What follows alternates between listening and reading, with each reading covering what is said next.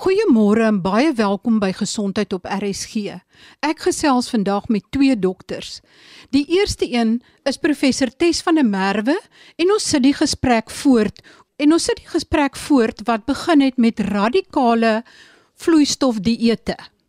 Ons kyk vandag dan na wat kan eetlusdempers aan jou metabolisme doen en is dit aan te beveel of nie? En ek gesels ook met 'n afgetrede histopatoloog oor die lesse wat sy geleer het en aanbevelings wat sy maak en raad vir pasiënte en dokters in terme van patologie dienste. Ons kyk eers na gewigsverlies. Ek het so 2 weke terug in die eerste gesprek met professor Tes van der Merwe gekyk na wat is die effek van 'n radikale vloeistofdieet op pasiënte, op hulle metabolisme, op hulle hart en op hulle lewe. En dit kom op die volgende neer. 'n Radikale vloeistofdieet of eintlik enige radikale dieet is eintlik 'n uithongerings of 'n verhongeringsdieet.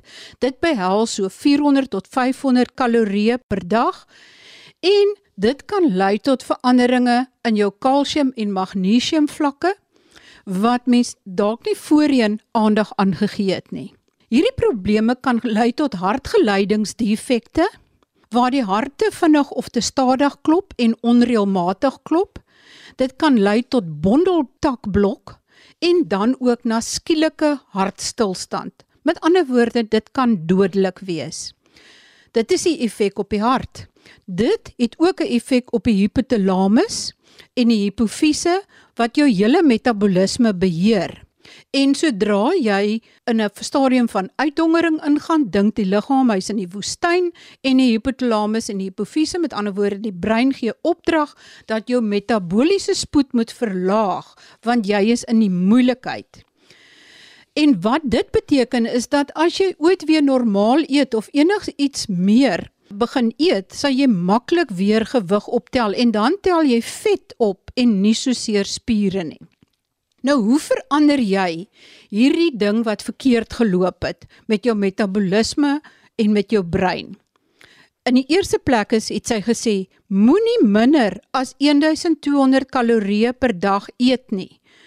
Ook nie meer nie, maar definitief nie minder nie want dan stuur jou brein syne dat jy in die moeilikheid is en jou hele metabolisme vertraag en jy gaan intedeel al hoe moeiliker gewig verloor en eintlik al hoe meer vet versamel.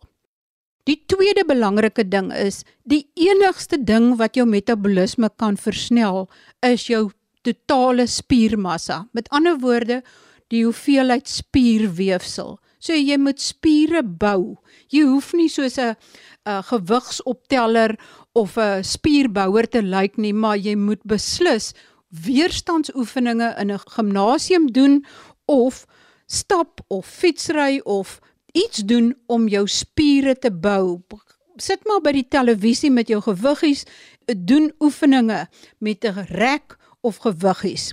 Die derde belangrike ding is eet meer veselagtige kosse want dit is belangrik dat jou maag se strek reseptore die strek refleks na jou brein toe stuur om te sê ek het gerek ek is nou versadig. En veselkosse swel en help dat daai strekreseptore strek en die boodskap na jou brein toe stuur. En die vierde belangrike ding is vergeet van 8 glase water per dag. Want dit maak dat jou maag eintlik die heeltyd strek en daai strekreseptore werk later nie meer om te sê jy's versadig nie. Dit verwar die strekreseptore. Maar wat van 'n eetlusdemper? En dit is waar ons dan vandag stil staan om te kyk na eetlusdempers want dit is na aanduiding van Shane Warne wat dan gereeld radikale vloeistofdieete geneem het, ook gereeld eetlusdempers. Dan wil ons kom by die gebruik van eetlusdempers of medikasie wat mense glo 'n effek kan hê om hulle maarder te maak. Kan jy vir my iets meer daaroor vertel? Maar die die meeste van die eetlusdempers wat algemeen beskikbaar is oor die toonbank sal een vorm van 'n efedrien of 'n pseudoefedrien wees. Nou die probleem is met enige efedrien inname verhoog jy die prikkelbaarheid van jou hartklop. Daarom is baie mense sal as hulle groot dosisse van hierdie eetlusdempers inneem, sal vir jou sê, ek kon nie vannag slaap nie, my hart het uit my borskas uitgespring. Want dit sal daai autonome stelsel wat onder andere ook verantwoordelik is vir die geleiding van impulse deur die hart, sal dit verhoog as jy dan in 'n situasie sit waar jy klaar 'n abnormale bondeltak geleiding het as gevolg van jou vloeistofinname en jy gaan saam met dit 'n verhoogde prikkelbaarheid kry van die autonome senuwees dan het ons nou nie eers 1 + 1 maak 2 nie ons het nou 1 + 1 maak 6 want jy het jou hele risiko vir 'n abnormale hartklop en 'n verhoogde bloeddruk bykans oornag uh verhoog en dit is moeilikheid soek en ek onthou gevalle wat ek en jy bespreek het Marie van jong kinders van 18 wat hierdie middels oor die internet bestel het en wie se moeders hulle dood gevind het in die bed 'n paar dae later. So 'n mens kan nie aanvaar dat net omdat jy jonk is dat jou hart noodwendig die veerkragtigheid gaan hê om daai autonome stimulasie vol te hou nie definitief as jy besig is om dit te gebruik in die teenwoordig van 'n radikale vloeistofdieet, is jy besig met 'n baie ernstige en 'n gevaarlike bedryf.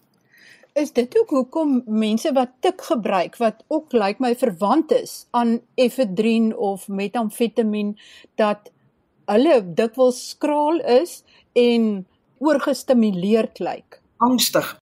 Ja, dit, dit is presies wat gebeur, Marie, jy's uh, 100% korrek. Want onthou, wat is 'n prikkeling van die autonome senuweestelsel in terme van die byniere? Dit is daai klassieke wat ons noem fight and flight response. As jy onder gevaar is, dan dit al met almal van ons gebeur, jy skrik, skielik gaan jou hart klop op, jy voel so sterk soos 'n uh, Goliat jy kan vinniger hardloop en selfs besluite maak sonder dat die kognitiewe uh, gedrag eers ingekom het. Baie keer sal pasiënte vir jou sê ek weet nie hoe ek dit reg gekry het nie, maar ek het weggekom. Want op daai spesifieke stadium is jou oorstimulering van die byniere van so 'n aard dat jy massiewe hoeveelhede van adrenalien en ook kortisol uitsit en baie keer sal die pasiënt dan vir jou sê ek was so gedreineer vir dae en 'n week na daai gevaarlike toestand. En dit is presies dieselfde effek wat jy kry met hierdie efedrine en en tik en adrenalien, alles wat die autonome senuweestelsel wel kan stimuleer, plaas jou amper in 'n permanente toestand van fight and flight. En dit is interessant om te luister na die stories van mense wat skielik van tik afkom en hoe hulle daai fases vir jou beskryf en hulle weet baie keer hoe lank dit hulle gaan vat voordat hulle soos hulle sê bottom out. En afhangende van tot watter mate jou metabolisme gewoond geword het daaraan kan dit enige iets van 24 uur tot 5 dae vat voordat hulle sal soos hulle sê bottom out en as hulle dan die laagtepunt slaan Marie is dit dikwels presies weer die teenoorgestelde situasie met hulle metabolisme. Daar's 'n totale afsluiting van die metabolisme amper 'n tipe van 'n uitgeputte bynier en die pasiënte sal ook vir jou sê hulle al wat hulle wil doen is om te gaan slaap vir dae aan mekaar. En Nou kan jy dit vereensalwig met presies dieselfde effek as wat jy sal kry met voortdurende gebruik van hierdie uh, aptydonderdrukkers want eintlik verloor daai aptydonderdrukker sy werking op die reseptor van die aptydsenter enige iets tussen 21 en 30 dae het dit geen hy het afgereguleer daar is geen werklike effek wat dit op aptydonderdrukking meer het nie. En al wat jy dan oor het is die verslawing met ander woorde jy sit dan letterlik met 'n reseptor wat vra vir meer van daai high toestand waaraan jy nou gewoond geword het. En dit is eintlik maar net 'n ander vorm van verslawing. Professor, as mense uh, wat nou luister, nou al voorheen op 'n vloeistofdieet was, weet 'n radikale vloeistofdieet of enige radikale dieet en of eetlusonderdrukkers gebruik het en hulle wil probeer om nog steeds gewig te verloor of gesonder te lewe, wat sal jy vir hulle voorstel om te doen? Ek dink Marie, dit gelukkig uh, lewe ons in die jaar 2022. Jy kan gaan uitwerk deur verskeie uh tegnologiese maniere wat jou presiese basale metaboliese spoed is. Uh dit kan deur 'n DEXA skandering gedoen word as jy 'n baie gevorderde DEXA skandeerder het soos by ons hospitaal, maar daar's ook indirekte maniere waarop jy jou basale metaboliese spoed kan gaan bepaal. Dit is waar jou biokinetiek inkom wat hierdie bepalinge kan doen. Jy kan dit op ander meer indirekte maniere doen deur die meet van jou liggaamskomposisie.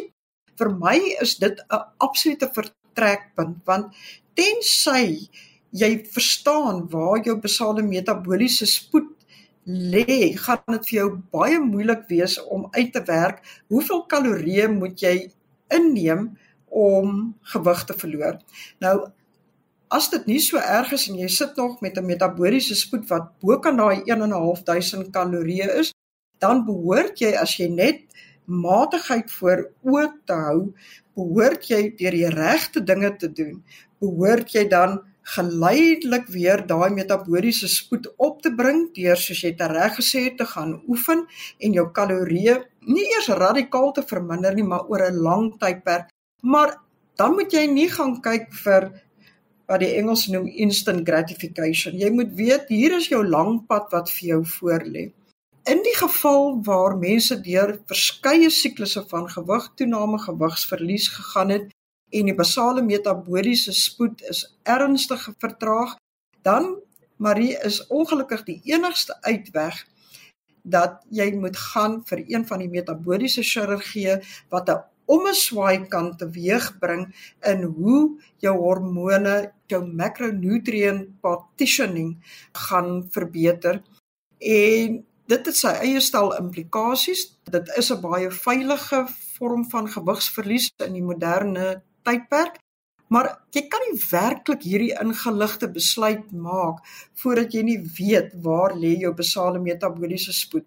En dan dink ek is dit baie belangrik Marie dat mense wat op herhaalde vloeistofdieete was, gaan vir ondersoek by hulle algemene praktisyn wat wel sekere basiese bloede insluit en wat ook jou EKG kontroleer en net seker maak dat ons nie daar sit met klaar inherente geleidingsprobleme binne in die hart en dat jou kalsium en jou magnesium binne normale vlakke is. So ek dink as jy al vir 'n leeftyd sukkel, is die die kort antwoord jy het mediese hulp nodig. Hierdie is nie noodwendig iets wat jy op jou eie gaan regkry nie. En soos jy al voorheen gesê het, oorgewig is 'n al 'n mediese, dis 'n gesondheidsprobleem, dis nie bloot net meer 'n leefstylprobleem nie. Ek hoop ons het daai ene al goed by ons luisteraars ingeprent dat die destigmatisasie van van oorgewig is iets waaraan die wêreldgesondheidsorganisasie baie baie hard werk. Ons moet kom op daai punt Marie waar jy kan sê ek sukkel met 'n siekteproses want as jy erkenning gee aan daai siekteproses, gaan jy ook aandag gee aan die korrekte wetenskaplike oplossing eerder as om te sê ek het net nie die wilskrag nie want daai stelling is nie korrek nie. Baie dankie aan professor Tes van der Merwe, baie bekende endokrinoloog in Gauteng en Pretoria en een van die land se voorste kenners op die metabolisme. Natuurlik die heel belangrikste raad is moenie oorgewig word nie en sodra jy 'n paar kilogramme aangesit het, begin om reg te eet, nie radikaal op 'n uithongeringsdieet nie, nie minder as 1200 kalorieë per dag nie en doen oefeninge saam met die gesonde eetplan sodat jy spiere kan bou, jou spiermassa kan vermeerder en jou metabolisme so kan verhoog. Ek gesels ver oggend met Dr. Dottie van Ulmenstein. Sy's 'n baie bekende histopatoloog en sy was jare lank verbonde aan ook 'n baie bekende patologiefirma in Kaapstad.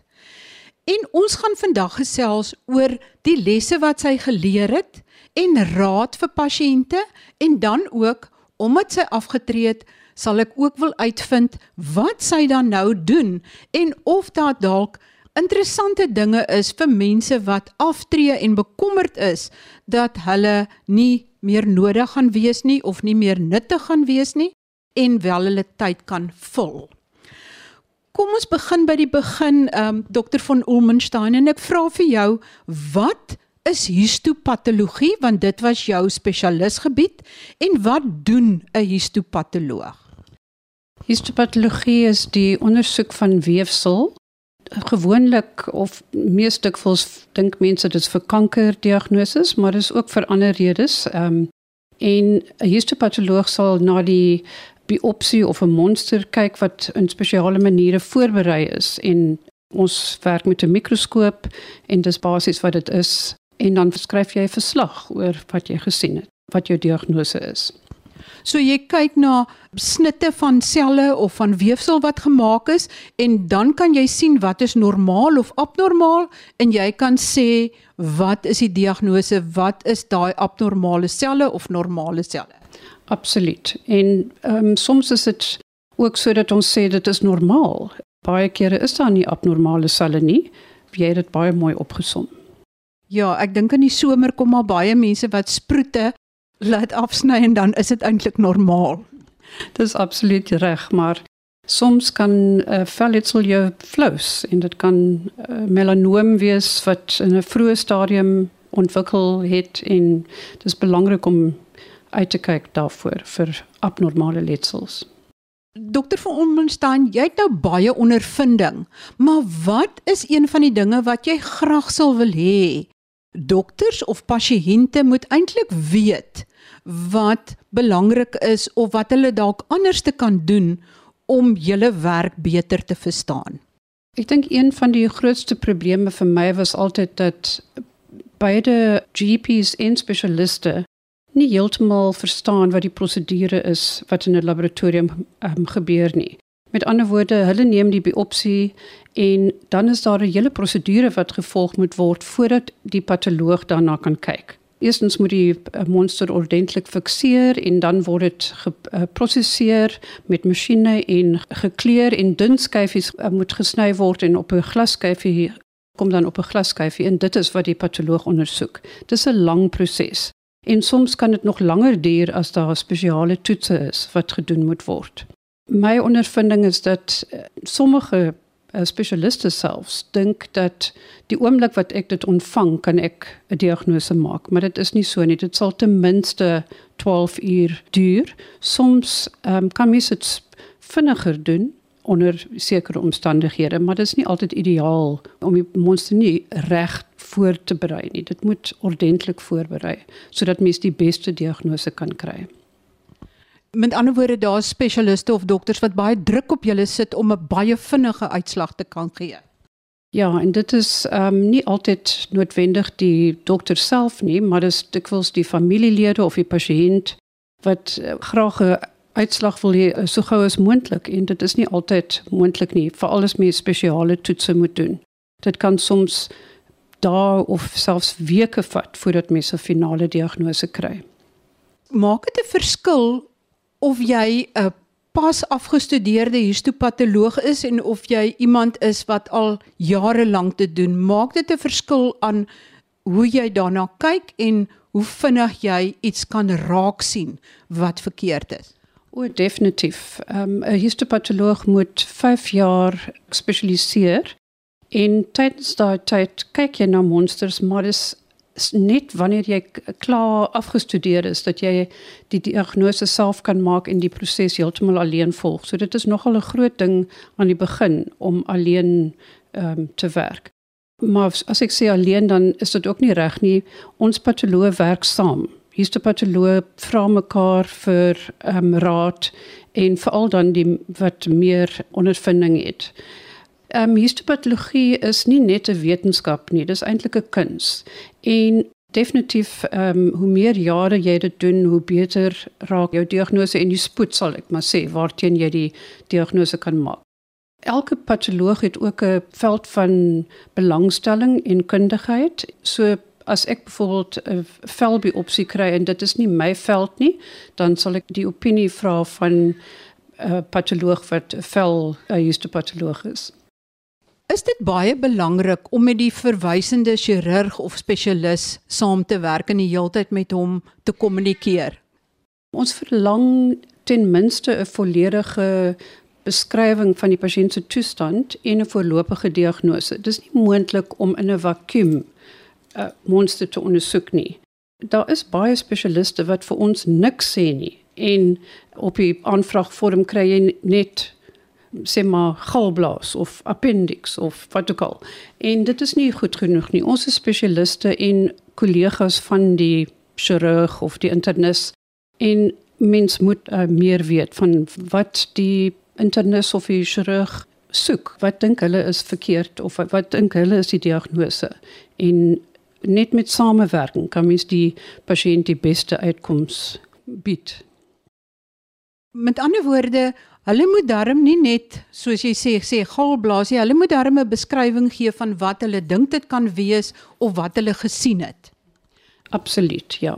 Ons werk saam as 'n span nie net uh, die verwysende dokter en die histopatoloog nie, maar ook ons patoloog is 'n span. En dan het ons tegnoloë in die laboratorium wat ook deel is van ons span. So dit is 'n samewerking met almal. Ek verstaan daar was ook heelwat vernuwing wat die afgelope paar jare plaasgevind het. En dan dink mens aan iets soos molekulêre toetse. Waar pas dit in en hoe help dit julle om beter diagnoses te maak? Molekulêre toetse help ons om te besluit wat se tipe kanker byvoorbeeld dit is of wat die prognose van 'n kanker is. Borspatologie, daar is sekere toetse wat mens daarop kan doen en dit bepaal ook wat die behandeling gaan wees, nie net die diagnose nie of die prognose maar die behandeling. Dieselfde met limfome. Daar is sekere limfome wat mens molekulêre toetse op moet doen om te besluit, wel, nie net limfome nie, maar sê maar biopsies van 'n limfnode met 'n moontlike limfoom om te besluit is dit kanker of is dit 'n reaktiewe limfnode. Dit kan soms baie moeilik wees. En limfome was een van my velde van spesialiteit. En ons moes dikwels die monsters wegstuur vir molekulêre toets en dit kan weke lank vat wat baie frustrerend is vir almal. Nie net die pasiënt en die verwysende dokter nie maar ook vir myself. As mens praat van molekulêre toetse bedoel mens dan DNA toetse om basies te kyk na die genetika of dit eh, spesifieke genetiese merkers het of 'n spesifieke genetika en dit dan daarvolgens te kan diagnoseer en te kan behandel?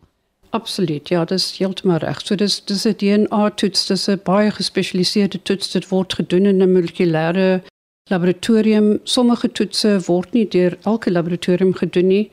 Um, hulle moet na spesiale molekulêre laboratoria gestuur word.